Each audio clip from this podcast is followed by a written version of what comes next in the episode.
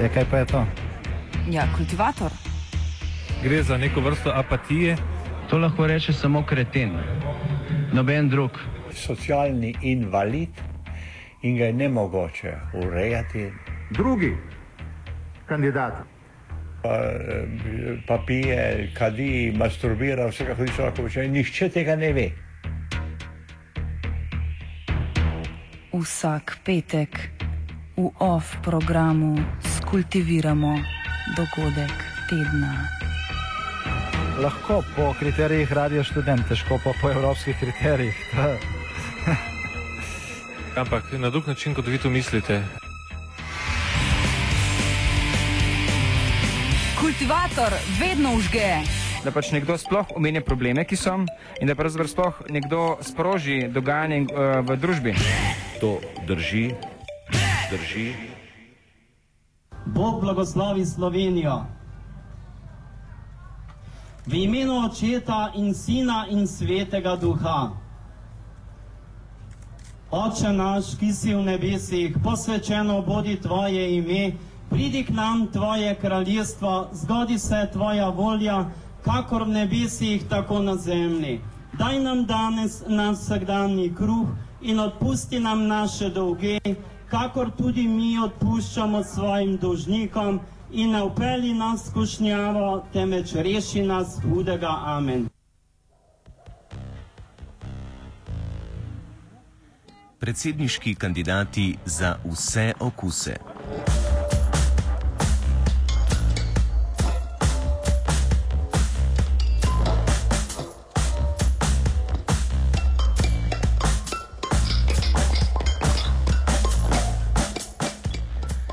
Ob takšnem uvodu bi si poslušalci in poslušalke lahko ustvarili vtis, kot da gre za nekakšen verski program. A gre zgolj za še eno aktualno politično oddajo, ki deset dni do uradnega začetka kampanje pred letošnjimi predsedniškimi volitvami preverja situacijo in morebitne kandidate, ki se bodo potegovali za predsedniški stolček. V zadnjem času, to je v obdobju zadnjih dveh tednov, se je v javnosti namreč pojavila kopica potencijalnih predsedniških kandidatov, ki napovedujejo udeležbo v volilni tekmi, v kateri že kar nekaj časa sodelujejo mainstreamovski kandidati Borut Pahor, Milan Zver in aktualni predsednik Danilo Türk.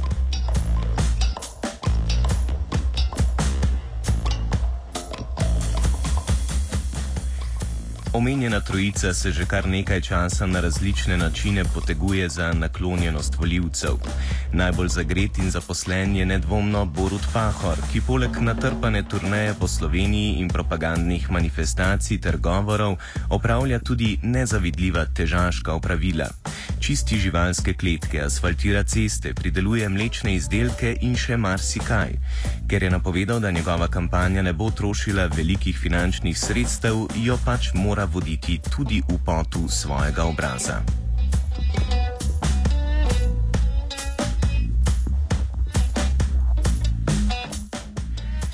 Kopica manj znanih, anonimnih in že skoraj obskurnih kandidatov pa si mora pozornost javnosti šele izboriti.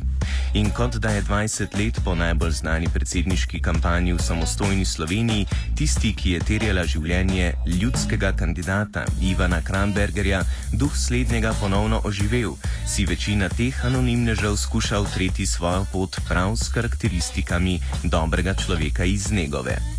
Brezdomka, ekokmet, brezposelna ekonomistka, ki so ji takoj po vstopu v kampanjo začeli streči po življenju, izobčeni duhovnik, ki hoče reformirati katoliško crkv, nekdanji major. Res pisana paleta kandidatov, ki pa vsi bolj ali manj igrajo na karto ljudskosti v nasprotju z aktualnimi političnimi elitami.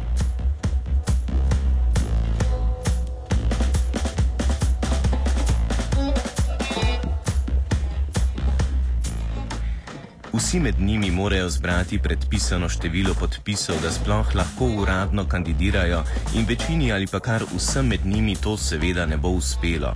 Se pa pojavlja vprašanje, zakaj so se odločili za kandidaturo in zbujanje pozornosti javnosti, čeprav je jasno, da bo ta pozornost kratkotrajna in bo prinesla bolj malo koristi. Gre v vseh primerih za podoben eksperiment, kot si ga je pred prejšnjimi predsedniškimi volitvami privoščil Artur Stern, ki je svojo predsedniško kandidaturo zgolj izrabil za snemanje dokumentarca. Je polnoletnost kot edini pogoj premalo restriktivna ovira, ki omogoča kandidiranje prav vsakomur in s tem banalizira tako predsedniško kampanjo kot tudi samo funkcijo?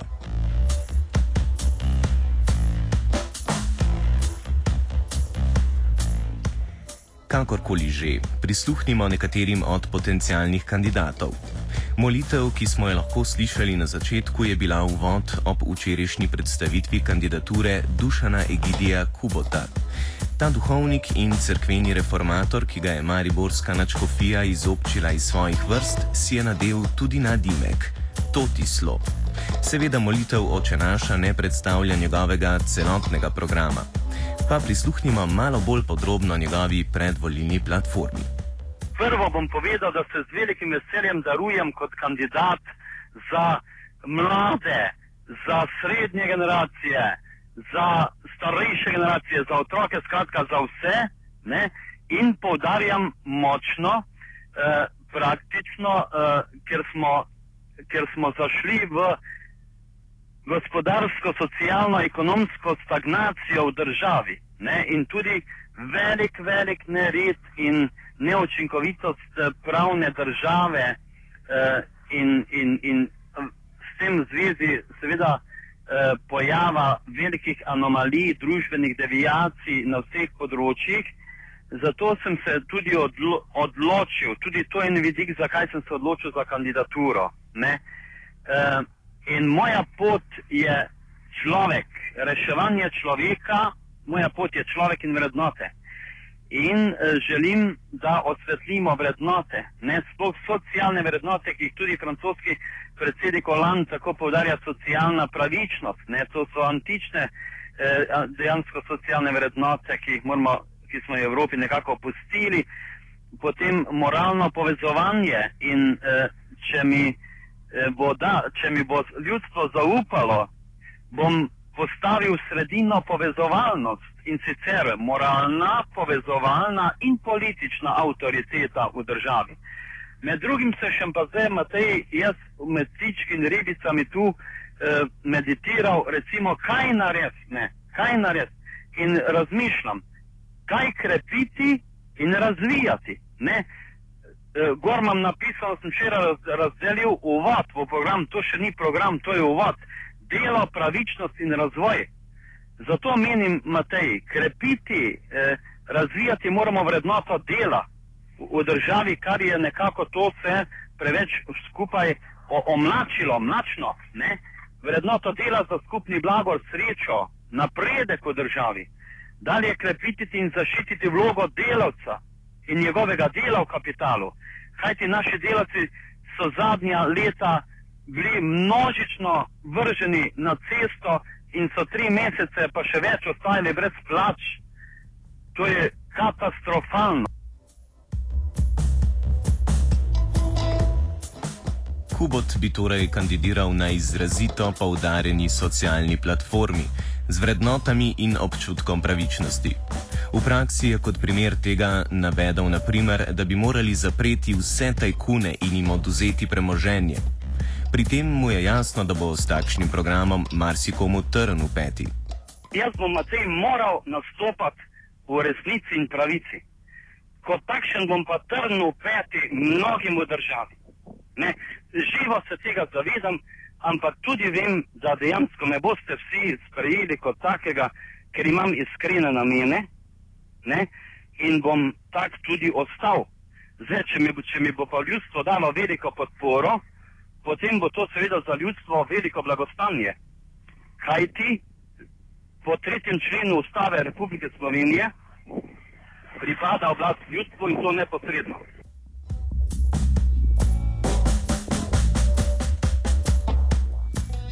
Nepričakovano in iznenada je svojo kandidaturo konec prejšnjega tedna najavil tudi Miro Žitko, kmet in samonikli ekološki gradbenik, ki vas poleg tega tudi lahko nauči preživetja v naravi. Da se podaja v predsedniški boj, je obelodanil na tekmovanju v hitrostni košnji trave na Banšicah nad Novo Gorico, kjer je z lahkoto premagal tudi Boruta Pahorja in Miljana Zvera. Tole pravi Žitko o njunih ročnih in političnih spretnostih, pa tudi o svojem predvolilnem programu. Ja, one dva za košnjo glih nista najbolj primerna, tako da uh, tudi za politiko ne bi glih tega upal tudi trditi, ampak uh, pač tako. Uh, vidim, da je treba v Sloveniji vnesti neko novo energijo v politiko, se pravi, treba bi bilo uh, predvsem dobiti ljudi, ki bi bili pripravljeni delati uh, ne samo za ljudi, ampak tudi za naravo, tako da bi potem lahko ustvarjali in gradili in da ne bi bil potem tak problem z denarjem in z zaposlitvijo. Torej, to so bili potem vaši glavni, uh, glavni razlogi, da ste napovedali to kandidaturo.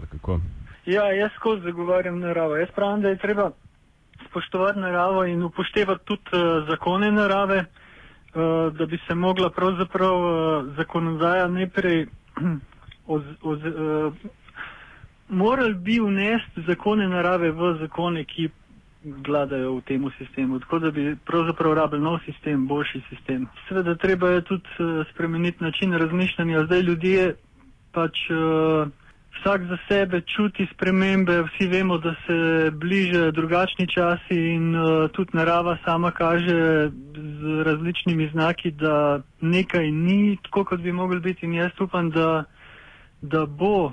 Uh, da bo ta premik lahko zelo hiter tudi pri ljudeh in tudi v, v načinu razmišljanja. Drugač pa zakoni narave so zelo enostavni in, in jih imamo zapisane vse. To dobimo, ko pridemo na ta svet in mislim, da te zakone ne bi bilo treba niti kaj dosti pisati, ampak jim samo pustiti, da zaživijo.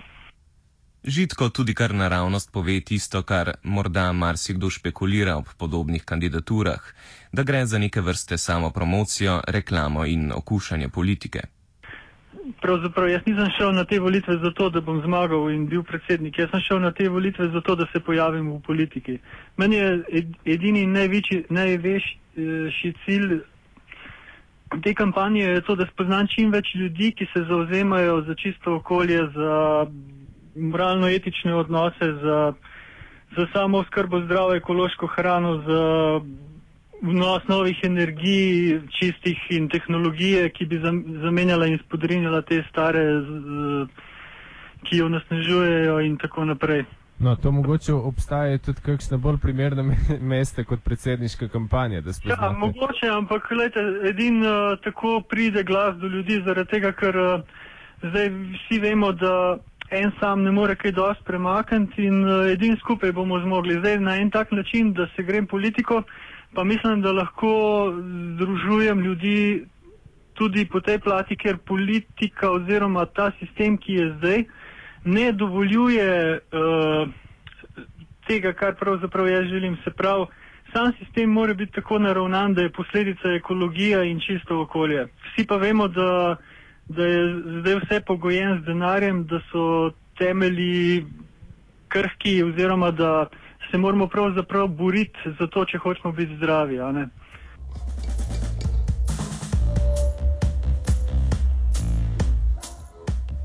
Tretji izmed potencijalnih predsedniških kandidatov je v bistvu javnosti še najbolj znan, saj gre za Ladislava Troho, znanega tudi pod vzdelkom Pojoči major.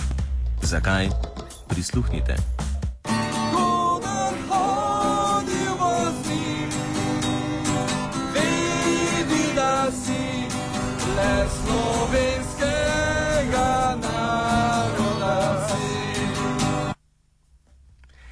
Kot veteran vojne za Slovenijo in nekdani major v slovenski vojski je Troha na politično prizorišče stopil leta 2008, ko je na državno-zborskih volitvah kandidiral na listi desno nacionalistično usmerjene stranke slovenskega naroda in prejel 61 glasov. Trenutno je predsednik gibanja Osveščeni prebivalci Slovenije, katerega dolgoročni cilj je očistiti in prenoviti svet. Trdi, da ni slam nadpredsedniški kandidat. ravno o tem, da nisem uh, kandidat od nobene politične opcije in od nobenih uh, stricev iz ozadja, no, zdaj to moderno reči, strici iz ozadja, čeprav ti ljudje čisto konkretna imena in primke, ko režirajo vso to zgodbo tukaj v Sloveniji. V svojih temeljnih programskih izhodiščih navaja, da bo Slovenijo očistil, preporodil in jo, kot slikovito navaja v izjavi, spremenil v uspešno kmetijo. Glede, v Sloveniji je marsikaj narobe. Uh, seveda zdaj uh, ne bi rad, da ljudje, oziroma še posebej novinari, uh, to zaženejo viking, v smislu, treba počistiti ne slovence, ne, ker to sploh niti slučajno ni mišljeno, ampak je treba uh, očistiti, kot bi rekli, da pridemo na zavoženo kmetijo, v kateri je polno smeti in uh, ostale nesnage, se pravi, jo očistimo in prenovimo, ker če boste tam pogledali na spletni strani tudi kaj drugega, vizijo, naprimer, ki sem jo zastavil, je tam uh, naslikano, narisano, kakšna je Slovenija danes iz mojega vidika, neurejena, podrta hiša in v desetih letih, če bomo uresničili to, kar uh, predlagam, se pravi vizijo v desetih točkah, ključnih, bo potem nastala to karikirano cvetoča kmetija in je tudi tam narisana, kakšna hiša naj bi bila to v desetih letih. Kriminalcem in velezdajalcem slovenskega naroda napoveduje sojenje pred pravično pravno državo. Kdo so po mnenju trohe ti velezdajalci? To so vsi tisti, kateri so v 21 letih, uh, odkar smo se odcepili, uničevali to državo in ta narod. Ti ljudje imajo imena in primke in uh, seveda bodo organi pregona, kateri so zdaj pod njihovim nadzorom, ko bodo osvobojeni in bo začela nastajati pravična pravna država, pogledali vse stvari, ki so bile narejene proti tem narodu in tej državi in uh, krivce, krivci bodo pripeljani pred sodiščo. Te veli izdajalci so vsi ključni politiki, ki so bili na odgovornih mestih do zdaj, kateri so obljubljali temu narodu Švico in najmanj nemški standard, v bistvu so pa glavni akteri uničevanja te države.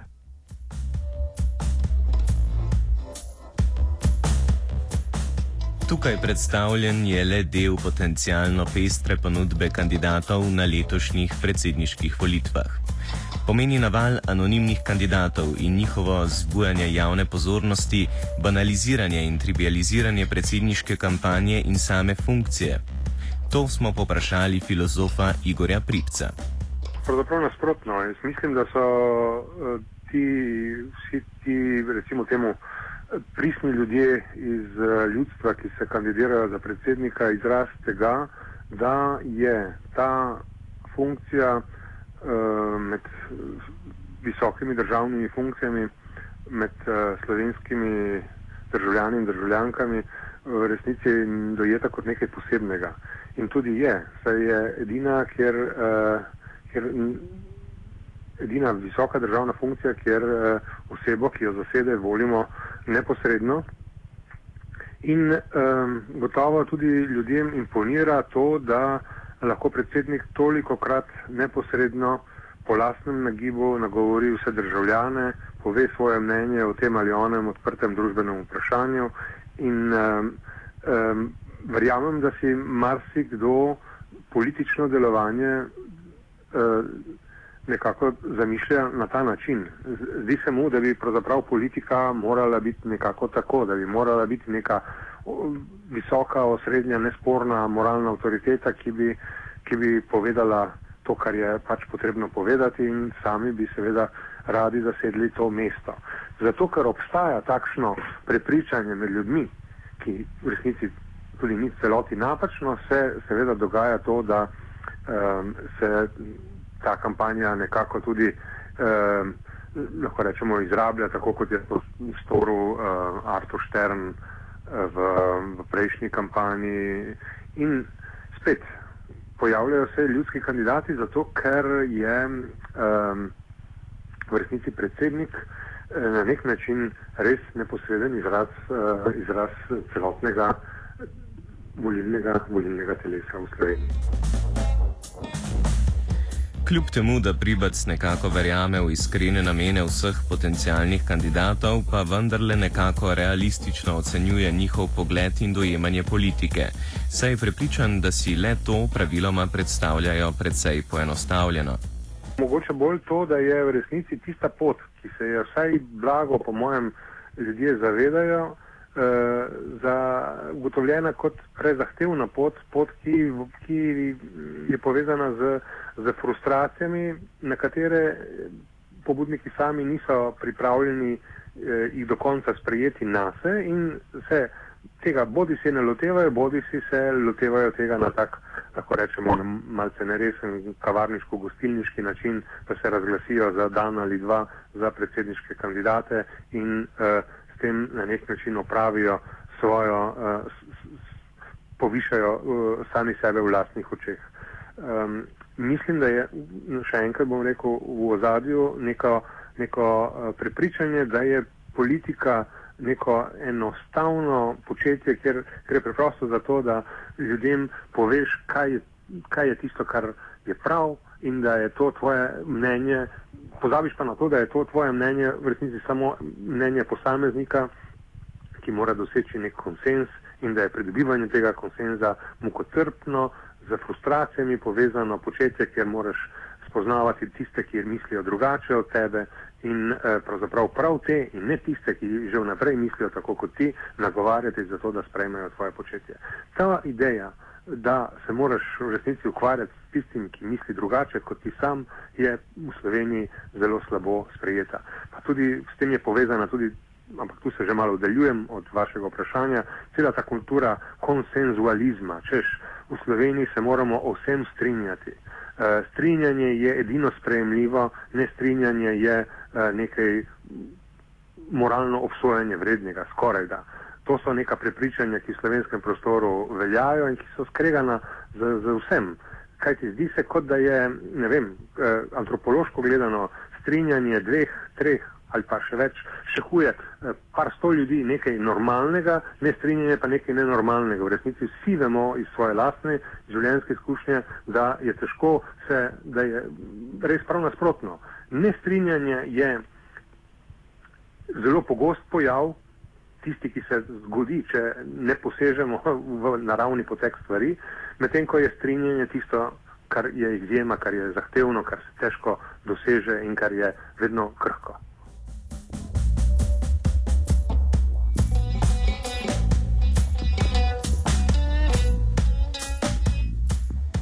Za konec, seveda, ne bodimo preveč strogi do vseh anonimnih kandidatov, ki ne morejo računati na podporo političnih strank ali močnih lobijev. Zaradi tega bodo seveda soočeni z velikimi logističnimi in finančnimi težavami pri zbiranju podpisov, ki jih morajo predložiti, če želijo nadgraditi svoj status v uradne kandidate. Takole za konec poziva poslušalce Radia Student kandidat Egidi Dušan Kubot, tudi znan kot Totislo.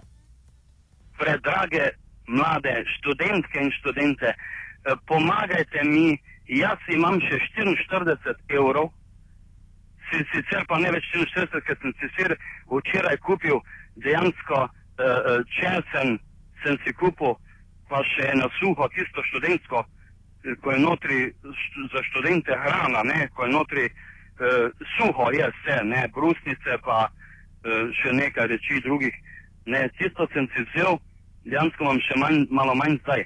Tako da jaz sem finančno na tleh, vendar gremo za upanje, da bo ljudstvo meni pomagalo, da bodo tudi recimo šli sami na upravno enoto, prosili za obrazec, ga izpolnili, se žigoca in potem se ga, ga meni pošlje.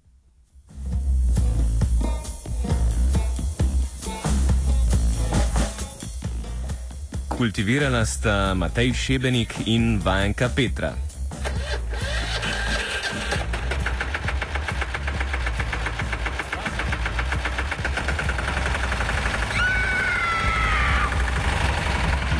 E, kaj pa je to?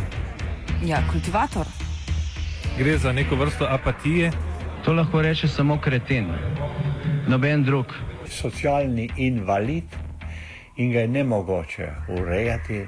Drugi kandidat.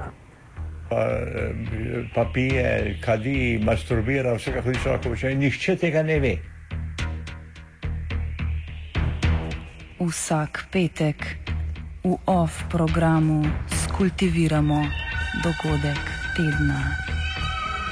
Lahko po kriterijih radio študent, težko pa po evropskih kriterijih. Ampak na drug način, kot vi to mislite. Kultivator vedno užge. Da pač nekdo sploh omenja probleme, ki so, in da pravzaprav sploh nekdo sproži dogajanje uh, v družbi. To drži, drži.